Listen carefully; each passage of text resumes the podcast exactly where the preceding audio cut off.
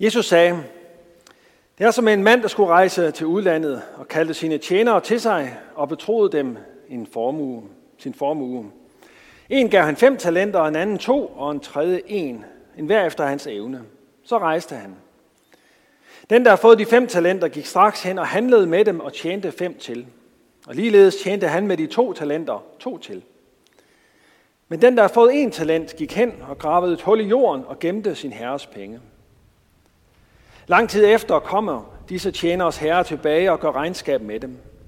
Den, der har fået de fem talenter, kom og lagde andre fem talenter på bordet og sagde, Herre, du betroede mig fem talenter. Se, jeg har tjent fem talenter til. Hans herre sagde til ham, Godt, du gode og tro tjener. Du har været tro i det små. Jeg vil betro dig meget. Gå ind til din herres glæde.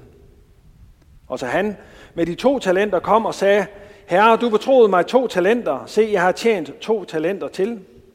Hans herre sagde til ham, Godt, du gode og tro tjener. Du har været tro i det små. Jeg vil betro dig meget. Gå ind til din herres glæde. Så kom også han, der havde fået den ene talent, og han sagde, Herre, jeg kender dig som en hård mand, der høster, hvor du ikke har sået, og samler, hvor du ikke har spredt. Og af frygt for dig gik jeg hen og gemte din talent i jorden.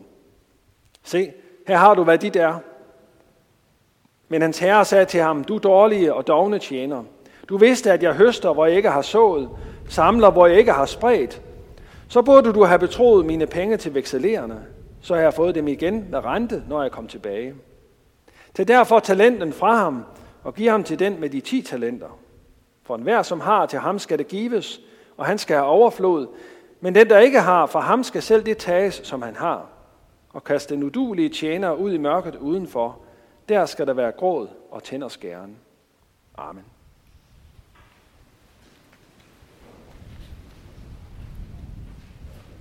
Og lad os lige bede sammen.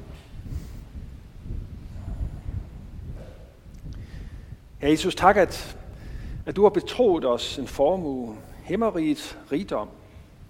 Her vi beder om, at du vil hjælpe os til at spørge dig til råds om, hvordan vi investerer den, hvordan vi forvalter den efter din vilje. Amen. Listen over det, som mennesker kan frygte, er lang. Mens det i tidligere tider måske var atomkrig, der stod øverst på den liste, så er det nok i dag frygt for klimaforandringer, eller økoangst, som eksperterne har benævnt det. Det kan også være frygt for terrorhandlinger, eller frygt for sygdomme, for kræft og den slags. Nogle gange så kan for angsten for, hvad der kan ramme os, få nogle besynderlige konsekvenser. Jeg læste en artikel om en muslimsk mand fra Schweiz, som har fået en bøde på det, der svarer til 100 danske kroner, fordi han på gaden i Schweiz havde råbt Allah Akbar. I måske høre, jeg siger det ikke rigtigt, men det er det der uh, arabiske udtryk, som egentlig betyder, Gud er størst, eller Gud er større. Han råbte det, fordi han havde mødt en gammel ven på gaden og blev glad. Så råbte han, ja, ligesom vi kunne sige, prisvær Gud eller den slags. Men nu han altså få, fik han altså en bøde for det. Og det gjorde han, fordi islamister øh, nogle gange bruger det i forbindelse med en terrorhandling, øh, så, øh, så priser de Gud på den måde, og, og derfor så blev folk bange, sagde myndighederne i Schweiz, hvis man gik der på gaden og råbte, Gud er stor. Det lyder jo besynderligt og helt urimeligt, at man skulle have en bøde for at være glad.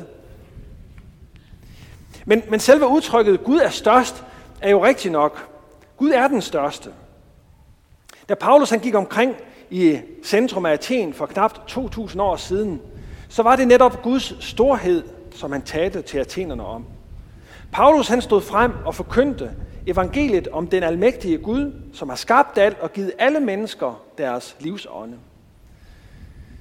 Jeg tror ikke, at athenerne de frygtede hverken klimaforandringer eller terrorhandlinger. Til gengæld så frygtede de, at de ikke havde nok guddomme.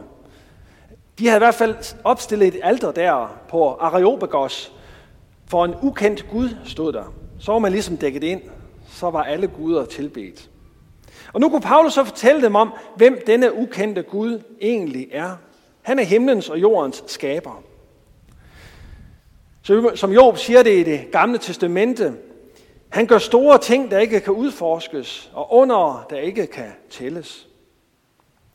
Det var den største, den eneste Gud, som de alle i Athen skulle lære at kende. I hele apostlenes gerninger hører vi om, hvordan Paulus han udfører den opgave, som han var blevet betroet. Jeg husker måske, hvordan han blev kaldet til at være disciple af Jesus på vejen til Damaskus, hvor Jesus stansede ham og sendte ham til at være evangelist, apostel blandt hedninger, altså ikke jøder.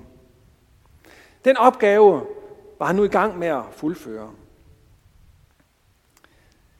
Jeg har ikke talt efter, men det siges, at udtrykket frygt ikke står 365 gange i Bibelen. En gang til hver dag. Vi møder det i evangelierne, hvor mennesker gang på gang bliver overvældet af deres møde med det forunderlige, med det guddommelige. Paulus og de andre apostler, de var nu blevet betroet det gode budskab om, at vi ikke skal gå og være bange for Gud.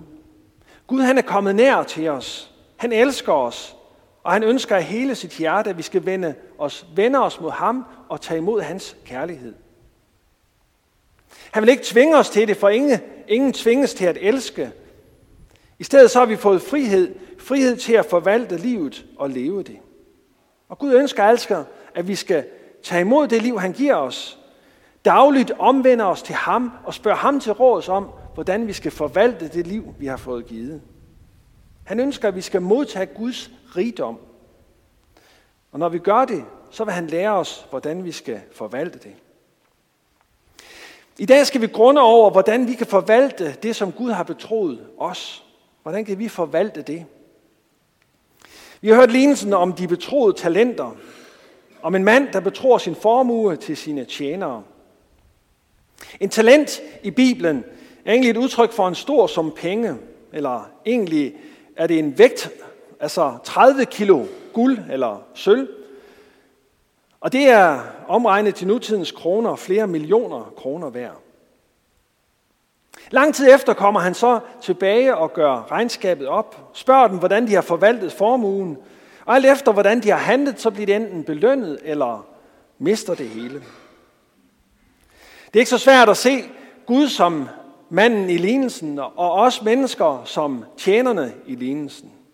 Ligesom de fik betroet en stor rigdom af deres herre, sådan er vi blevet betroet en stor rigdom af Gud. Og en gang vil Jesus vende tilbage for at dømme levende og døde og spørge os, hvordan vi har forvaltet hans rigdom. Og alt efter, hvordan vi har handlet med den, om vi har handlet i tro imod ham, eller i vantro, så vil vi blive dømt efter det. Men hvad er det så, vi er blevet betroet af Gud? Altså det er jo meget rart at vide, når vi nu skal blive dømt efter det på dommens dag. Hvad er det så for en formue, Gud har overdraget til os? Jeg vil komme med tre forskellige bud på, hvad det kan være. Det er ikke sådan, at der er en rigtig og to forkerte, men det er alle sammen aspekter af sandheden om, hvad det er, Gud har betroet os. Jeg tror, han har betroet os det hele. Først så har Gud givet os livet. Han har givet os vores krop, vores hjerne, vores sind og tanker. Vi har en overflod af muligheder for at gøre godt med det, som Gud har givet os. Det menneskeliv, han har betroet os. Vi kan lære noget. Vi kan være med til at forandre verden til det bedre. Han har givet os vores fantasi og evner til, at vi kan drømme store drømme om, hvad vi skal udrette her i livet. Der er et kæmpe potentiale i et hvert menneske, og det skal vi udfolde. Vi er jo skabt i Guds billede, og livet ligger foran os. Vi skal udforske det. Finde ud af, hvad det indeholder. Leve det. Udfylde den plads, som Gud har tænkt til os. Og når vi gør det, når vi lever livet, så må vi hver dag bede Gud om at vise os, hvordan vi gør det på den bedste måde. Hvordan investerer vi Guds formue på den rigtige måde? For man kan jo godt leve sådan, at livet bliver begrænset, fordi man frygter for at fejle, frygter for at prøve noget nyt. Måske lukker man sig inde, fordi man ikke har tillid til omverdenen, til Gud eller sig selv. Man tænker, det ender galt, så måske må jeg bare gøre det, jeg plejer at gøre. Og selvfølgelig kan ting gå galt. Det er ikke alt, der lykkes. Men hvis man ikke engang imellem våger noget, springer ud i det, så går man måske glip af en rigdom, en velsignelse. Hvis man ikke tør investere sig selv i livet, så får man måske ikke et afkast, som man kunne have fået. Jeg hørte en præst fortælle om, at han var til en gudstjeneste i San Diego i USA. Der mødte han en mand på 92. Han var blevet en enkemand efter at være gift med sin kone i mange år. Han var stadig aktiv, og da de så sidder der ved kirkefrokosten, så, øh, så er der jo en del retter på bordet, og præsten han, øh, som gæst, han, han ved ikke helt, om han tør smage det. Det er fremmedartet for ham i hvert fald. Og så siger den her øh, ældre mand, prøv det dog. Alt i livet er dog værd at prøve en gang. Fantastisk indstilling at have som 92-årig. Vi forvalter altså Guds formue, når vi har appetit på livet. Tør investere os selv i det liv, vi har fået. Opleve nye ting. Få nye bekendtskaber.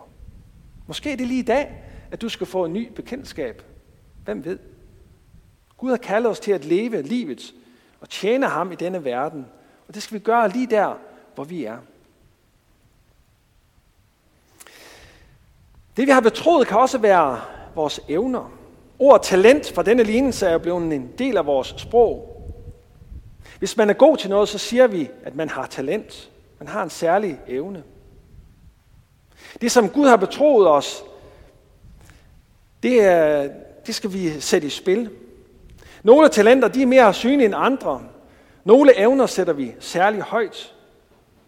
Vi er for eksempel nogen, der håber, at Christian Eriksens evner i Inter vil blive virkelig brugt, når han nu har skiftet klub. Nå, det var for de fodboldinteresserede. Men, men for dem, der, der nyder at se talentshow i fjernsynet, X-Factor eller Danmark har talent, så kan man også der opleve folk med særlige evner. I forbindelse med Danmarks indsamlingen i sidste lørdag, der så jeg en ung pige, Andrea. Måske så hende også. Hun blev adopteret fra Etiopien sammen med sin søster, og nu har hun fået rollen som Whitney Houstons øh, til at synge nogle af hendes sange i en musical. Og det gjorde hun så her til Danmarks indsamling. Det var sådan, man fik gåsehud på kroppen. Så, så smukt lød det, synes jeg. Så vi ser op til dem, som, som er dygtige, dem, som kan noget særligt. Også på andre områder. Den, den gode håndværker, den dygtige erhvervsmand, den veltalende politiker, den vise rådgiver, den kloge og dygtige elev. Men uanset om vores talenter er noget særligt og særligt synlige, så skal vi bruge den sådan, som Gud har tænkt det. Og nogle gange skal vi bruge vores evner til at bare skabe en ganske almindelig god hverdag for os selv og vores familie. Og når vi gør det, så glæder Gud sig over det. Men den, som er doven, den, som er ligeglad med de evner, man har fået, som ikke gør noget af frygt for at gøre tingene forkert, for ikke ros af Gud, tværtimod. Vi skal altså bruge de talenter, vores evner, som vi har fået. Men de vi har fået, det kan også være nåden. Jesus han havde jo samlet disciple omkring sig, forkyndt og undervist dem i tre år. Den lignelse, som vi har hørt i dag, den blev fortalt til dem i de aller sidste dage, hvor han var sammen med dem, mellem palmesøndag og skatorsdag. Han er faktisk selv den person, eller den han taler om i lignelsen, der nu forlader sine disciple og rejser udenlands et andet sted hen, og imens betror han så dem en formue, en opgave. Nu skulle de forvalte evangeliets store rigdom, som han har givet til dem. Budskabet om syndernes forladelse og frelse for enhver, som tror. Guds nåde. Det skulle de gå ud i verden med. Det skulle de forkynde for alle folkeslag. Og det skulle de formidle, forvalte ved at elske hinanden og ved at tjene hinanden. I ord og handling skulle de altså drive mission ved at kalde mennesker til omvendelse. Det budskab er vi som kirke, som kristne, blevet betroet også i dag.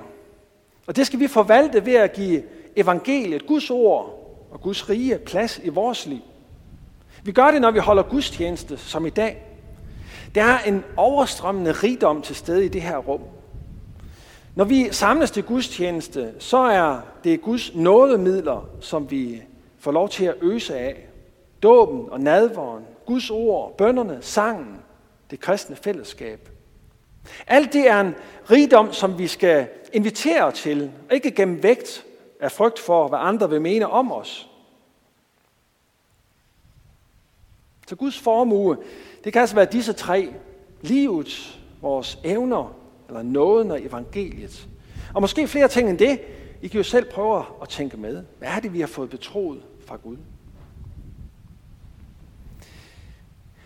Den rigdom, vi har fået, den har vi ikke kun fået som enkeltpersoner. Vi har også fået dem som menighed. Og jeg vil gerne knytte nogle flere ord til, hvordan vi som menighed også kan forvalte det, Gud har givet os. Jeg fandt et billede her fra jeres hjemmeside. Der er ikke så mange øh, billeder på, øh, på Hedens til Valgmenigheds hjemmeside, men I kan nok genkende nogle stykker af den. Det er ikke taget her fra kirken, kan jeg se, men øh, det er i hvert fald øh, jer, eller nogen af jer, der er på billedet, kan jeg se. Men inden jeg siger lidt om, hvordan vi forvalter den her rigdom, så kan man måske spørge, hvilken en af tjenerne er vi egentlig? Eller hvor meget rigdom har vi fået betroet? De fik jo forskelligt, fem, tre, og, eller to og en talent. Nogle menigheder er store. Der kommer mange til gudstjeneste. Der er mange aktiviteter, mange ressourcer, mange ansatte og frivillige. Andre menigheder er sådan en mellemstørrelse, kan man sige, hvor man, hvor man kan alt det, der skal til for at få tingene til at fungere, mens andre menigheder er små i antal og ressourcer. Men jeg tror ikke, det er sådan, vi skal måle. Jeg tror ikke, vi skal se på antal eller noget ydre, når vi skal bedømme, hvor meget vi har fået fra Gud. I det hele taget skal vi ikke gøre så meget ud af at sammenligne os med andre menigheder, enten være misundelige på nogen eller hovere over andre. Fordi alle tre tjenere fik jo en formue. De fik alle sammen en formue betroet. Og som menighed her i Hedensted, så har jeg også fået en fantastisk rigdom fra Gud. Og derfor må vi spørge, hvordan skal den forvaltes? Ja, hvis vi sammenligner med igen de tre tjenere, hvad de gjorde, så var der, der to af dem, der fik ro. Så det var dem, der investerede den rigdom, de havde fået. De satte den i forbindelse med deres omverden, så at sige. De bragte den i spil. Sådan må Guds rigdom investeres, sættes i forbindelse med andre end os selv. Vi finder det tilsvarende i nogle andre af Jesu lignelser. Lignelsen om surdejen for eksempel. I ved, når man tager noget surdej, og så bruger det til at bage med, så, så præger surdejen hele dejen. Sådan må surdejen sættes i forbindelse med resten af dejen for at kunne have, gøre sin funktion. Og Jesus taler om disciplene som salt. Og på samme måde må salt jo ud af saltbøssen. Det må jo ud og, og øh, komme i kontakt med den mad, som den skal øh, sætte smag til. Eller som i søndags, hvor vi hørte om vedkornet, der jo først kunne spire, når det kom i kontakt med jorden. Så kunne det vokse op og blive til mange flere korn. Derfor må vi spørge, hvordan bringer vi den rigdom, vi har fået som menighed, i spil i forhold til vores omgivelser? Som menighed har vi fået noget at bidrage med i forhold til menneskelivet. Lige her i det lokalsamfund, som Hedensted Valgmenighed er en del af. Jeg tror, det er vigtigt, at vi er aktive i forhold til det lokalsamfund. Det kan være ved hjælp af diakonale aktiviteter, det kan være ved at forbedre hverdagslivet for de mennesker, der bor i byen. Jeg tror ikke, vi skal være så bange for at gøre ting, som ikke har et direkte forkyndende formål. For det at være verdens lys, det er ikke kun en åndelig ting. Det handler også om de værdier, der er i det samfund, vi er en del af. Det skal vi være med til at præge, være med til at forme, der hvor vi er. Jemir sagde til Israels folk, da de var i Babylon, stræb efter lykke og fremgang for den by, jeg førte jer bort til, og bed til Herren for den. Går det den godt, går det også jer godt. For nogle år siden var jeg på et, et fodboldstadion oppe i Nordjylland. Øhm, jeg tror, det var en af mine børn, der skulle spille til en anden kamp. Og så rundt om banen var der nogle bannerreklamer. Der var der også en for den lokale sovnekirke, hvor der, hvor der stod noget med at komme til gudstjeneste på søndag. Jeg synes, det var så fint, at man også som menighed engagerede sig i det lokale, og jo både kunne få lidt PR for det, der foregik om søndagen, men jo også viste, at man havde interesse i byens liv. Vi må gerne investere som menighed i det menneskeliv, der foregår i den by, som vi bor i. Ser vi på de evner, vi har fået i forhold til menigheden, så må vi også investere dem, når vi kalder frivillige til tjeneste i menigheden. Vi skal ikke være bange for at bruge vores evner og gå i gang med en opgave, fordi vi tænker, at, at andre kan gøre det bedre. Hvis vi har lyst til en opgave og, tror, at vi magter den, så er det bare med at, at kaste sig ud i det. Selvfølgelig så skal vi hjælpe hinanden til, at, at den, der hænger fastlavnstynden op her om 14 dage, når det skal være fastlavnsgudstjeneste, ikke har 10 tommelfingre. Så falder den bare ned, når man slår til den. Og kassereren skal også helst skulle lægge to og to sammen. Sådan må vi jo godt hjælpe hinanden til, at vi kommer hen til de opgaver, som vi også kan magte. Men der er brug for alle i en menighed, og alle kan bidrage med noget. Vi må investere de evner, vi har fået. Og ikke mindst stille os til rådighed for Helligånden. Når vi skal udføre en tjeneste i menigheden, så har vi brug for, at Guds ånd udruster os med sine nådegaver. Og så til allersidst, og det er ikke det mindst vigtige, så har vi fået nåden betroet. I har fået det for intet, giv det for intet, sagde Jesus til hans disciple. Som menighed må vi hele tiden være optaget af, hvordan deler vi ud af den? Hvordan investerer vi den rigdom der, hvor vi er? For vi skal ikke kun holde gudstjeneste for os selv, eller for dem, der plejer at komme. Guds nåde er for hele folket. Menighedens fællesskab skal være åben, gæstfrit og imødekommende. Vi skal formodigt dele ud af det, vi selv har fået. Og det handler også om mission lokalt, eller nationalt, eller internationalt. I dag mere end nogensinde før. Vi skal være med til at invitere mennesker til at lære Jesus at kende. Og det kan godt være, at vi frygter afvisning, at vi frygter, at det ikke nytter noget. Men Guds kærlighed er større end vores frygt. Vi skal ikke handle i frygt, men på baggrund af tro og tillid til ham, der har sendt os. Tænk sig, vi får lov til at være tjenere for ham, der er den største. Den største Gud, og samtidig den fuldkommen kærlige. Gå i fred og tjen Herren med glæde. Sådan lyder det ved alterbordet. Og lad os gøre det. Lad os dele den rigdom, vi har fået. Så bliver det til meget mere. Amen.